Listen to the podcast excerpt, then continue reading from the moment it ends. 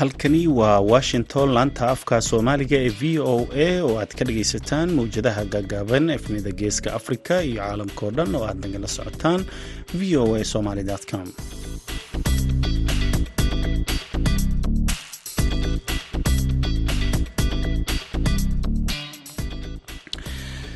Duhur wanaagsan dhegaystayaal waa maalin sabti ah labaiyo tobanka bisha novembar sanadka laba kun iyo labaiyo labaatanka saacadda afrikada bari waxay tilmaamaysaa kowdii iyo barkii duhurnimo idaacadda duhurnimo ee barnaamijka dhallinyarada maantana waxaa idinla socodsiinaya anigoo ah cabdulqaadir maxamed samakaab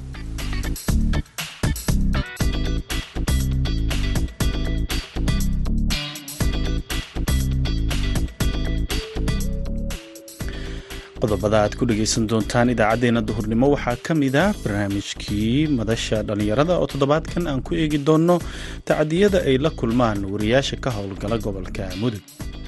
Warbaahintana way la kulmaan in la caburiyo in idaacadaha qaar la xiro in mataqaana qalabkooda la qaato. Waxyaaba badan baa ka dhacay gobolka mudug. Marka dabcan laakiin waxa ugu weyn waa qof naftiis inuu ku waayo mihnadiisa ciyaarihii iyo kaalmihii heesaha ayaad sidoo kale ku dhagaysan doontaan idaacaddeenna duhurnimo balse intaasoo dhan waxaa ka horreeya warkii dunida.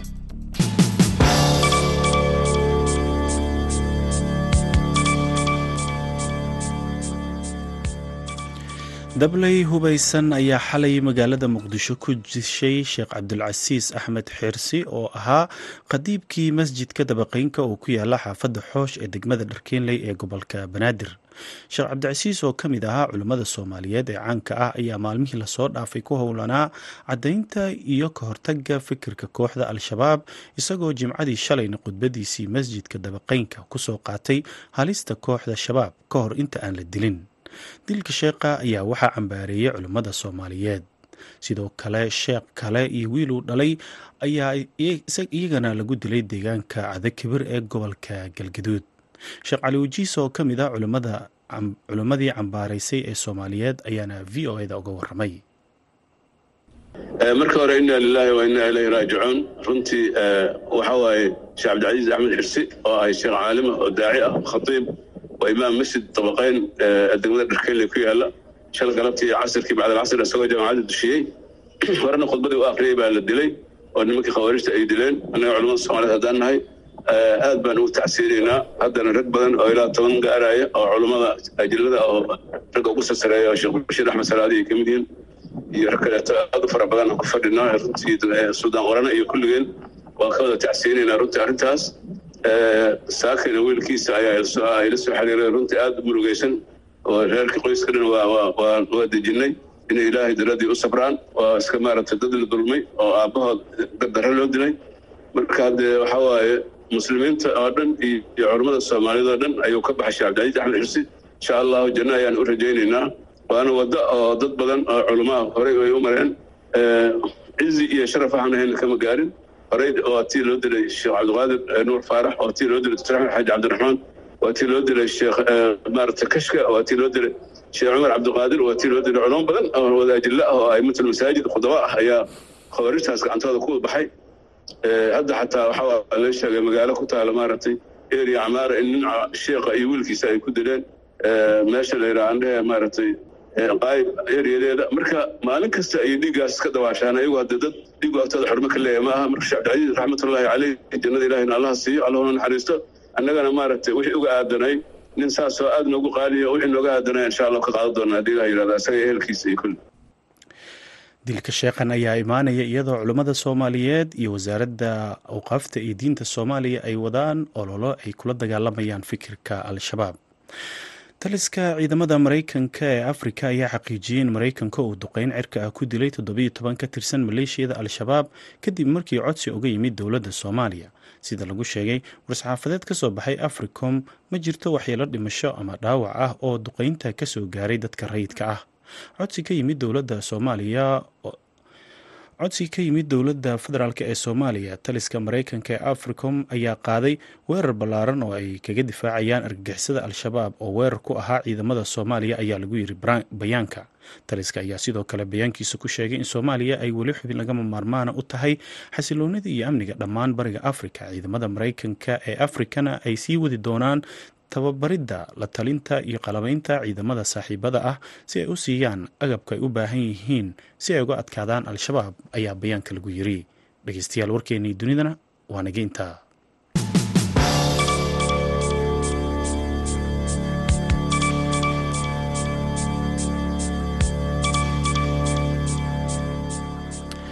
halka aad warkaasi ka dhageysanayseen waa idaacadda v o a oo idinkaga imaaneysa washington. Dahor wanaagsan mar kale dhegeystayaal haddana waxaad ku soo dhowaataan barnaamijkii madasha dhallinyarada. Waxuu toddobaadkan idinkaga imaanaya magaalada gaalkacyo waxaana inoo haya cabdiwaaxid macalin isaaq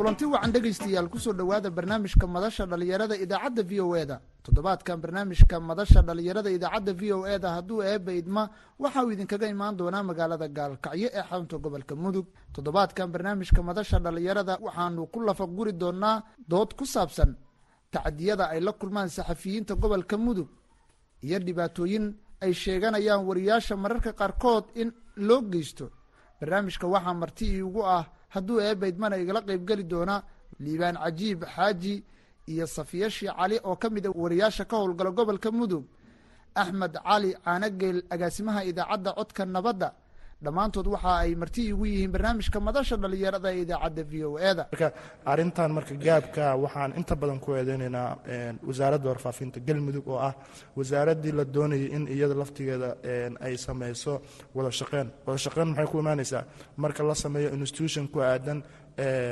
wariyaasha iyo maamulka oo ah inuu xaliyo. Kadibna maamulka uu xad uu leeyahay uusan ka soo tilaabi karin.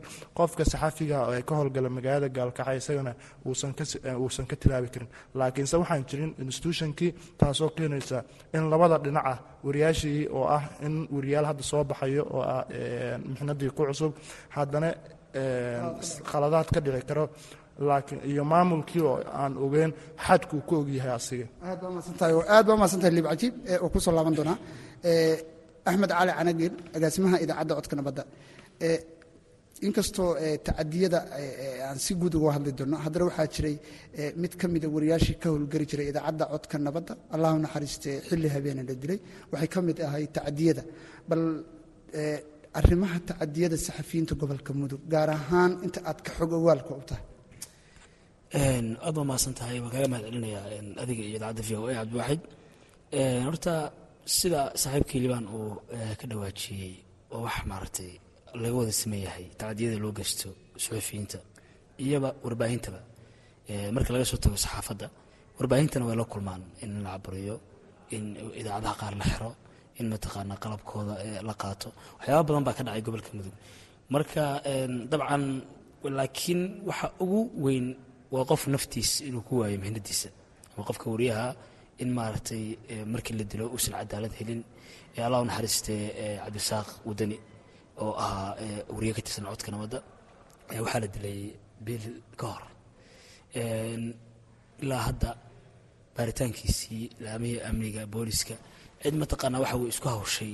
Inkastoo aad familkiisa iyo qaraabadiisa ehelkiisa ay mataqaana u raadiyeen haddana waxay ahayd isla markii maana arag haddaan suxufiyiinnahay dhaqdhaqaaq maana arag maadaama qofkii tuug baa dilay la leeyahay ama qof kale ama toriil lagu dilay ama asagoo shaqadiisa habeenkii waxun mobeylkiisa lagu soo hunguriyey ama qalabkiisa lagu soo hunguriyey waa mid iyo laba ma aha. Waxaa ku xigay ninka leeyahay maxamed cali siyaad oo agaasima ku-xigeenka idaacadda radio gaalkacyo si bareer ah ayaa askari wax ugu dhuftay ugu daqray dhaawac ha dhiig baa ku dhiig baxay dhaawac baa ka yimid. Arrintaas meel meesha bay ku dhamaatay yani qofku maaha muhiimaddu keliya in qofka intuu u yimaado qofkii mas'uulkaha uu ku yidhahdo habeen oo raalli ahow oo ninkaas waa nin noocaas. Laakiin waxaa la rabaa cadaalad baa loo baahan yahay. In qofkan wariyaha uu helo xaquuqdiisii kan kale uu dhibka sameeyeyna yani maxkamad ama sharci la keeno. Waa wax maogtaa muhiim ah. Marka tacdiyadaas marka laga soo tago xariggaa ka mid ah. Qofka wariyaha soomaaliya oo dhan waan kala qabnaa in qof la iska xiro bilaa sabab lagu xiro. Dabadeedna la soo daayay bilaa sabab. Yani waa wax ma ogtahay qofka markii qofka waa wariyey qalad wuu geli karaa waa bini aadam laakiin wax loo baahan yahay waxaa jira sifooyin loo soo maro. Qofka markuu qaldamo warqad maxkamad ay ku amrayso in la xiro inuu wato ninka askariga qofkiin cid kasta ogyahay adiga laguu sheego meesha ku shaqeynaya hebelkaas waa tuhunba waa la xiray. Dabadeedna waxa si sharciga maxkamad qofki loo geeyo la xukumo hadduus dembilan la sii daayo. Waa sifo sharci ah oo aad uga samir karto qofkii oo aad maaragtay laakiin qof habeen barkii gurigiisa intii loogu soo dhaco qalabkiisa laga qaato waddada loo galo la iska xirto xorriyaddiisa uu waayo afar labaatan saac sida dhowr wariye ku dhacday halkan riyal badan oo hadda mataqaana halkan gobolkan ay ku dhacday. Dabadeedna markii maalmo xirnaado hebel waa soo deynay waxba ku weyne oo maxaa ku haystay marka hore? Ma naqaan waa ka shakin waxba waxbuu sameeyey war buu sii daayay qalad buu gala al yacni waa wax tuhun aad iyo aad ma aragtay. Haddana dhanka kale haddaan ka eegno sida uu liban sheegay dee marka qofka uu yahay wuxuu u baahan loo baahan yahay inuu leeyahay mas'uuliyad. Kow qofku waa inuusan hal dhinac ka eegin. Qofku waa inuusan ku degdegin xogta uu baahinayo waa in xogta ay tahay xog fadhida oo dhinac kasta iskaga dheelitiran oo laga eegay. Dabadeedna shacabka u gudbiyo. Marka soomaaliya oo dal dee soddon sano ku dhowaad dowlad la'aana oo dhibaatooyin fara badan mataqaanaa waxaa weeye dalka ay soo mareen suxufiyiintu hadda maaragtay aqoon iyo tababaro ku filan iyo jaamacado iyo waxyaaba ay asaasiyaadkooda aysan haysan warbaahinta caalamiga aysan la mid ahayn oo ay xaalado adag ku shaqeeyaan. Haddana xaq umala suxufigii in qaabkaas tacadi noocaas mar kasta xaasha lilah mar kasta weeye waa arrin aan wanaagsanayn weeye. Laakiin waxaan odhan karaa maamuladu iyo dadka kale ee maaragtay madaxda ah ee gobolkan labadiisa qeybba jooga inay u tooghayaan oo ay mataqaanaa waxaa weeye saxafiyiintu xushmad iyo qadarinta ay ka mudan yihiin ay siiyaan oo saxafiga haddii uu tuhun ku jiro ama saxafiga haddii mataqaanaa waxaa weeye asaga qalad uu ku jiro in sida sharciga ah loo soo maro ururo warbaahin baa jira ururo warbaahin baa jira urur saxafiyiin oo gobolku leeyahay baa jira oo waxaa jira ururada idaacadaha jira. Waxaa dhan walba macnaha wasaaradda warfaafinna wasaarad baa jirta. Marka wasaaradda xataa in wixii iyadoo lawada ogyahay qofkii dee mataqaanaa waxa weeye wixii lagu toomiye si cad looga soo baxo. Aad baa mahadsan tahay safiyo. Waxaad ka mid tahay wariyaasha ka howlgala gobolka mudug gaar ahaan wakiil wareed ee telefishinka qaranka soomaaliyeed. Bal ogaalkaaga ka sokow ma jiraan gabdha wariyaal ah oo ka howlgala gobolka oo tacdiyo la kulmay bismillaah cabdiwaaxid adiga iyo bahda v o eeda iyo asxaabta kaleeto barnaamijka ila qaybgalaysa waxa waaye waa in leeyahay mahadsantihiin saxafiyiinta soomaaliyeed horta dhib guuday wada qabaan. Qaasanta gobolka mudug tacdiyal way ka dhacaan. Laakiin inta badan waxaa aad meelaha ka yartaha aan is leeyahay tacdiyada dumarka. Dhanka saxafiyiinta loo geysta in gobolka mudug ka yarta aan is leeyahay sababtoo tahay in badan waa iska jiraan qof marba hadduu qofka uu shaqo tegahayo oo shaqo adag oo mas'uuliyadeed oo saxaafadeed oo dhib badan uu ku jiro.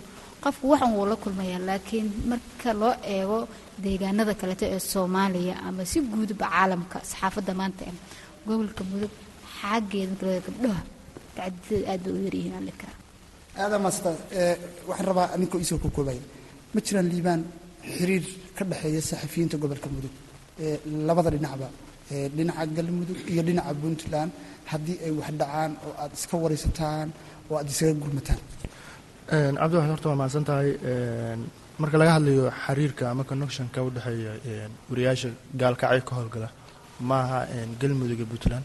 Laakiinse hal doonay wada saaran yihiin oo ah inay yihiin dad saxafiyiin ah oo hal gobol oo gaalkacyo la yiraahdo ama mudug la yiraahdo ay ka wada howlgalaan xiriirka ka wada dhexeeya oo ah saxafiyiinta wuu jiraa weligiisna wuu jiray. Sababtan u leeyahay waxaa weeye tacdiyo kala duwan ayaa gobolkan ka dhacay oo qaarkood wariyaal ay u geeriyoodeen qaarkood dhaawacyo soo gaaray qaarkoodna la xiray. Dhammaan wariyaasha gobolka mudug iyagoo aan dhinacan labada side aan loo fiirinaynin way isku wada imaan jireen waa laga wada tashan jiray. Waxaan u dambeysay toddobaadkan weriyo lagu magaca caliyaro oo wariyaasha ka howlgala idaacadda hayaan ayaa muddo afar labaatan saac la laasan yahay oo gurigiisa in laamaha amniga ay tageen qalabkii ay kala baxeen. Isagana la sheegay in xabsiyada uu ku xiran yahay. Ilaa annagoo wariyaasha guud ee gobolka mudug ka wada kooban waxaan marnay ilaa shan saldhig oo gaalkacyo ku yaalla oo ah labada sayr marka sababtaan u mareyna waxaa weeye connectionka u dhexeeya wariyaasha oo ah in dhibka soo gaaray wariyaha kale in anaga uuna saameynayo. Waayo haddii maanta wariyaha kale walaalkeena aanan u gurmanin ama xilliguu dhaawaca uu yahay ama xilliguu hiilku nooga baahan yahay aanan la hadlin ama aanan tabarteena aanan isku wada biirin ma suurtagelayso. Marka xiriirka ka wada dhexeeya wariyaasha ma aha mid hadda bilowday ma aha waa mid jiri jiray waa mid hadda marka la fiiriyo. Waayo waxaa jira hadda connection ku aadan guud ahaan warbaahinta idaacadaha f m-yada ee gaalkacyo ka howlgalay. Inay ururo ay samaysteen oo ah urur ay ku midaysayeen taasoo ah in guud ahaan gobolka la xasiliyo amnigiisa iyo nabadiisna laga wada shaqeeyo. Aada maadsantaha waxaan rabaa axmed marka ay dhacdo in sida hadda liibaan sheegay wariye afar labaatan sac ka badan lala-yahay ee aada isu timaadaan. Maxay tahay tallaabooyinka ugu horreeya ee aada qaadaan ee muhiimka idii ah? Dabcan sida hadda liibaan sheegay saaxiibkeenna hadda lala-yahay wariyaha ah idaacadda hayaan. Dabcan tallaabada u horreysa qaadna waxay tahay inaan horta anagu shirno marka hore isku nimaadno aan ka tashanno sidaan u wajihi lahayn dhacdadaas meesha nooga aadan haddii ay tahay laamihii ammaanka inaan u tagno oo aan weydiino sababta wariyaha uu ku xiran yahay haddii ay tahay maamuladii degmada iyo gobolka inaan ayaguna mataqaana ka wareysano xaalkiisa iyo qaabka wuxuu ku xiran yahay. Laakiin hadda kaba soo qaadba wariyaha hadda lala-yahay saaki oo kale markaan isku nimid aroortii waxaan tagnay ilaa iyo dhowr goobood ilaa shan xarun baa tagnay oo ah xarumaha amniga ama saldhigyada ciidamada. Labada dhinacba galmudug iyo puntland. Taliyo kasta wuun soo dhaweynayay si sharaf lanoola hadlayay baarta meelaha qaar waxaa layidhi dee baarta haddii wariye uu idinka xiran yahayo dadka dhex baarta anuu ma garanayne waa ka weynay waxaa weeye saas marka inaan isku duubnaano oo dee isku nimaano oo waxa weeye wax walba oo annaga dhexdeeda ah oo tacadi ah ama wax walba aan qofkan uu qofkan ka daqanado marka waxaa la odhan karaa wariyaasha gobolka mudug puntland iyo galmudug iyo ma lahan laakiin waa wariyaal isku duuban oo hal mar mataqaana dhibaatadooda iyo farxadooda iyo wanaagooda wada dareemaha. Muhiimadda waxay tahayna waa sababta aan kuu sheegay waxaan nahay gobol waxaan joognaa soomaaliya gobollada ugu tacdiyada badan ee saxafada loo gashto. Ee hadday wiil tahay hadday gaba tahay. Yacni mararka ay tacdiyadu dhacaan inta badan waa xilliga shaqada ay socoto. Xilliyada shaqada ay socotoo kale baa u badan tacdiyada dhaca oo waxaa arkaysaa madaxweyne markuu imaanaya oo kale.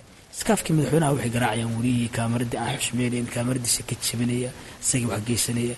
Hadda xilligii u dambeeya farmaajo uu booqanayay gaalkacyo kale. Gabari wariyaha baa waxaa la daqray oo dhiig ka socday weji dhan laga bedelay yani waa xilliga hadda janaayo iyo maaqa februaayo waxay ahayd sanadkan. Yani marka xilliga wax socdaan oo kale wariyaashu horta marnaba ma helaan wax la yiraahdo xurmad ma helaan. Waa qof walba hataa hadda hadda oo kale marka eegta dhinaca kale puntland wax ka socoto ololaha ka socdo doorasho.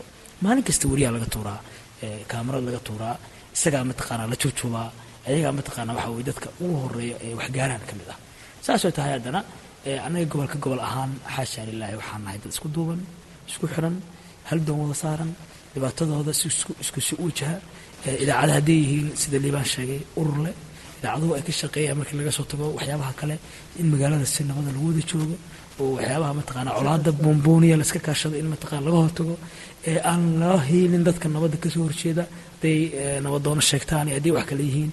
Marka shaqada hadda ay saxaafadda gobolka hayso waa shaqo aada cajiib u ah. Aada umaasan tahay safiir waxaan rabaa haddii ay jiraan tacadiyo saxafiyiinta ku dhaca sida ay sheegeen liibaan iyo iyo axmedba yay tahay cidda mas'uuliyadda ay ka saaran tahay in wariyuhu ay ilaaliyaan. Cabdi waxaad aada u mahadsan tahay. Horta marba hadduu tacadi dhaco horta marba hadduu tacadi dhaco. Tacadigii in laga hortago marka hore waxaas intaysa dhicinin ama qofka wariyahaahi waxyaalaha inta badan mar walba qaladaadka dhaca wariyaashu qeyb bay ku leeshaan marka wariyuhu intuusan qalad geysan horta inuu uu ka foojignaado waxaan uu isagoo dhibaatooyinka meelaha ka soo wajihi kara uu isagoo mas'uuliyad gaara iska saarna way tahay.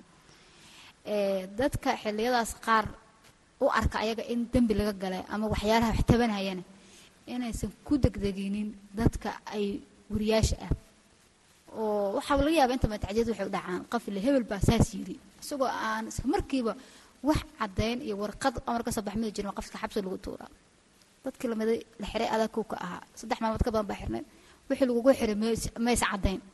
Si labadan waa lagu soo daayey. Maalin kastay ka dhacaan tacadiyadaas marka tacadiyadaneeta mas'uuliyadda koobaad horta waxaa qaata cidda markaas ayadu xabsigaas ama tacadigaas marka horta geysatay mararka qaarna tacadiyada wariyaashu qayb bay ka yihiin aada maasantahay adinkoo iisoo koobaya hal daqiiqa wax ka yar. Waxaan rabaa axmed ugu dambaysay maxay tahay fariinta ku aadan in wariyaha xaqiisana uu helo mas'uuliyiinta iyo maamulada gobolkuna aysan noqon kuwa ku xadgudba saxafiyiintu? Fariinta aad u diri lahaydeen adinkoo soo koo koobaya. Okay waxaan ku soo koobayaa qof walba xaqiisa inuu sida ay tahay u helo wariyuhuna uu siiyo xaqa dadka uu warbixinadooda sheegayo ama wariyuhu si dhedhexaada warbixinta ama warka xogta uu bixinayo uu ka eego siaysan dhibaato uga imaan ama hadhow tacaddi uga imaan. Waxaan kaloo aan leeyahay laamaha ammaanka iyo maamulada iyo dowladaha cid kasta oo maaragtay arrintan qaybka ah tacdiyadeeda loo geysto saxaafadda iyagana waxaan ugu soo koobayaa in loo maro sifada sharciga ah. Wariye kasta oo ay xukutumayaan inay maxkamadda ka dacweeyaan in qofkan xogtiisa oo dhammaystiran ay keenaan laakiin aysan xorriyadda si macno dara uga qaadan. Hadhowna si macno dara aysan u soo deynin qofka haddii maanta ani la xiro oo afaritan iyo sideed saacan xabsi ku jira ama saddex beri oo ciyaalkaygii iyo xaafadeedii iyo cid kastii shaqadeedii aan laga maxbuuso xorriyadda laga qaado oo dabadeedna si bilaa macnaha la dhaho iska bax iyadoo waxba lay sheegin taasaaba tacaddi kale ah. Marka inaysan taa dhicin baan ku soo koobayaa. Aniga xalka waxaan u arkaa oo ku aadan sidii tacdiyada loo joojin lahaa. In wariyaasha soomaaliyeed gaar ahaan kuwooda ku howlgal gobolka midug inay mas'uuliyad saaran ee lagu aaminay oo dadkooda u qaadeen inay si wanaagsan ay u gutaan maamulada gobolka ka howlgalana in wariyaasha oo ah iyo annagoo og dhibaatooyinka iyo duruufaha ay ku shaqeeyaan inay u naxariistaan oo ay mararka qaar dhacdooyinka dhacaya inaysan u qabin waayo sababtan u leeyahay inaysan u qaban waxaa weye qofka saxaafiga waxaa laga yaabaa mistake wuu ka dhici karaa. Laakiinse mistake markuu ka dhaco in qofkii isla markiiba la yidhaahdo xabsigii umaw ama dhibaatooyin lagu geena marka waxaan u arkaa in wada shaqeyn la sameeyo isla markaana la isku yimaado lana sameeyo wax connection oo ku aadan wariyaasha iyo maamulada la iskugu xirayo aniga aragtideeda waxaan u arkaa sida loo joojin karo tacadiyada ama loo yareyn karo horta sida asxaabta waris ay sheegeenba qofka wariyaha ee ammaanada bulshada u haya ee mas'uulka ah horta marka hore hawshiisa shaqo inuu ka run sheego. Oo haw shaqadiisa ay noqoto mid dhexdhexaada ku salaysan xaqiiqda ah. Waxaan aaminsanahay haddii shaqadiisu ay tahay shaqada saxda ah in qaladaadka inta badan ku dhaca ay yaraanayaan laakiin maalinta uu duu shaqo duu soo qabto uu nin uu yidhaahdo anaa xoogaa ku siinahaye ani ibombuuni oo wixii kale iska da in meeshaas ay ka imaanaysa dhibaato. Horta taas waa koowaad waxaan leeyahay wariyaasha marka shaqadooda ha ka dhigaan shaqo nadiif ah iyo nidaamkii iyo etikiskii wariyaha ku shaqeeyaan. Mas'uuliyiinta iyo laamaha amniga ama si guudba maamulada ka jira galmudugna dhahday gobolka mudug. Waxaan leeyahay maalin kasta waxaan aragnaa mas'uul wariye u dhaaranayo ama mas'uul wariye iska dacweynayo ama wax micno lahayn oo la leeyahay waa lagu xiray ama waa laga dhac. Ayaga laftirkooda inay hubiyaan qof waxay wariyaha ku haystaan oo sifa sharci u maraan ay waxaan ma mase waa been horta waxaa lagu xiray. Ee isan dhicinin shalaa waa la soo qabtay maanta waa lagu waayay raalli oho waxaadna sharaf maahan deegaankana sharaf maahan waxaan aaminsanahay waxaan adkaynaysaa taasi wada shaqaynta iyo kalsoonida maamulka iyo wariyaasha aad baa umahadsantihiin kuwaas waxay kala ahaayeen axmed cali caanageel agaasimaha idaacadda codka nabadda safiya sheekh cali oo ka mida wariyaasha ka howlgala gobolka mudug iyo liibaan cajiib xaaji. Waxa ay marti igu ahaayeen barnaamijka madasha dhallinyarada ee idaacadda v o e da toddobaadkan barnaamijka waxa uu idinkaga imaanayay magaalada gaalkacyo ee xarunta gobolka mudug. Anigoo cabdiwaaxid ayaa barnaamijka idinla socodsiinayay. Intaynu barnaamij midkan la mida mar kale dib isaga kulmi doonno waxaanu idinkaga tegayaa sidaa iyo ismaqal dambe oo xiisa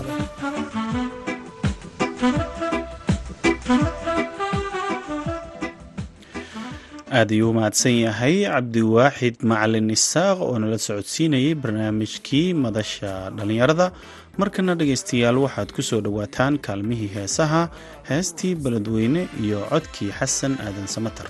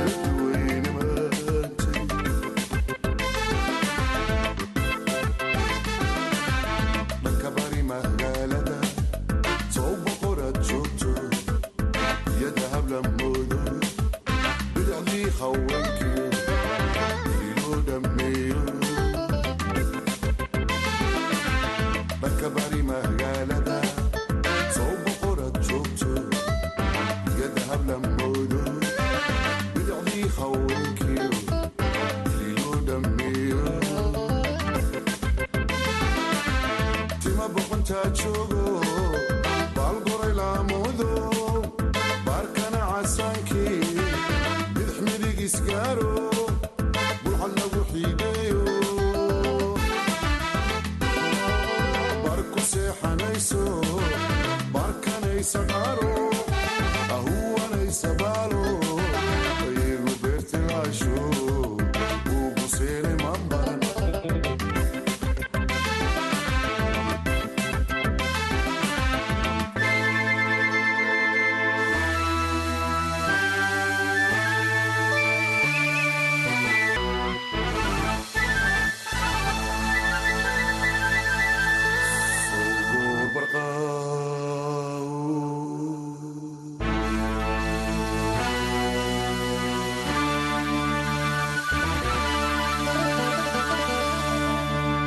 bishoy sidee tahay aniga iyo geerlula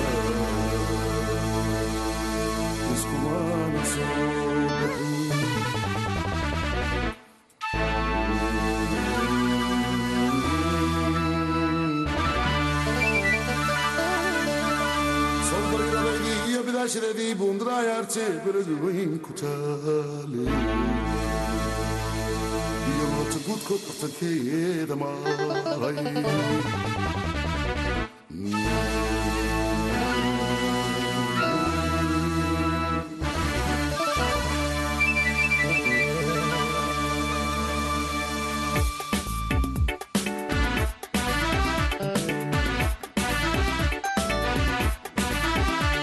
sawbixiisa weeye balan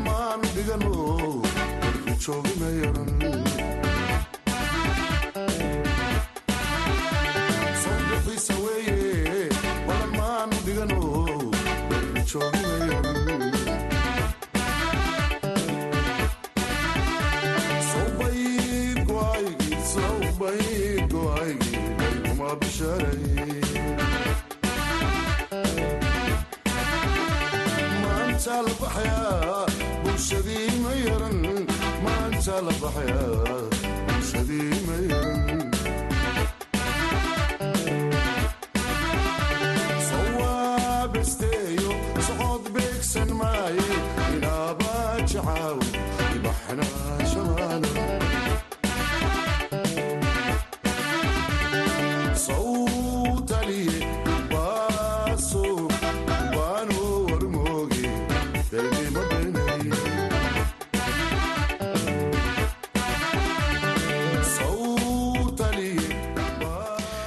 heestaasi beledweyn iyo codkii xasan aadan samatra ayaa u dambeeyey idaacaddeenna duhurnimo. Waxaa idinla socodsiinaya anigoo samakaab ah tan iyo idaacaddeenna dambe. Waxaan idin leenahay nabadgelyo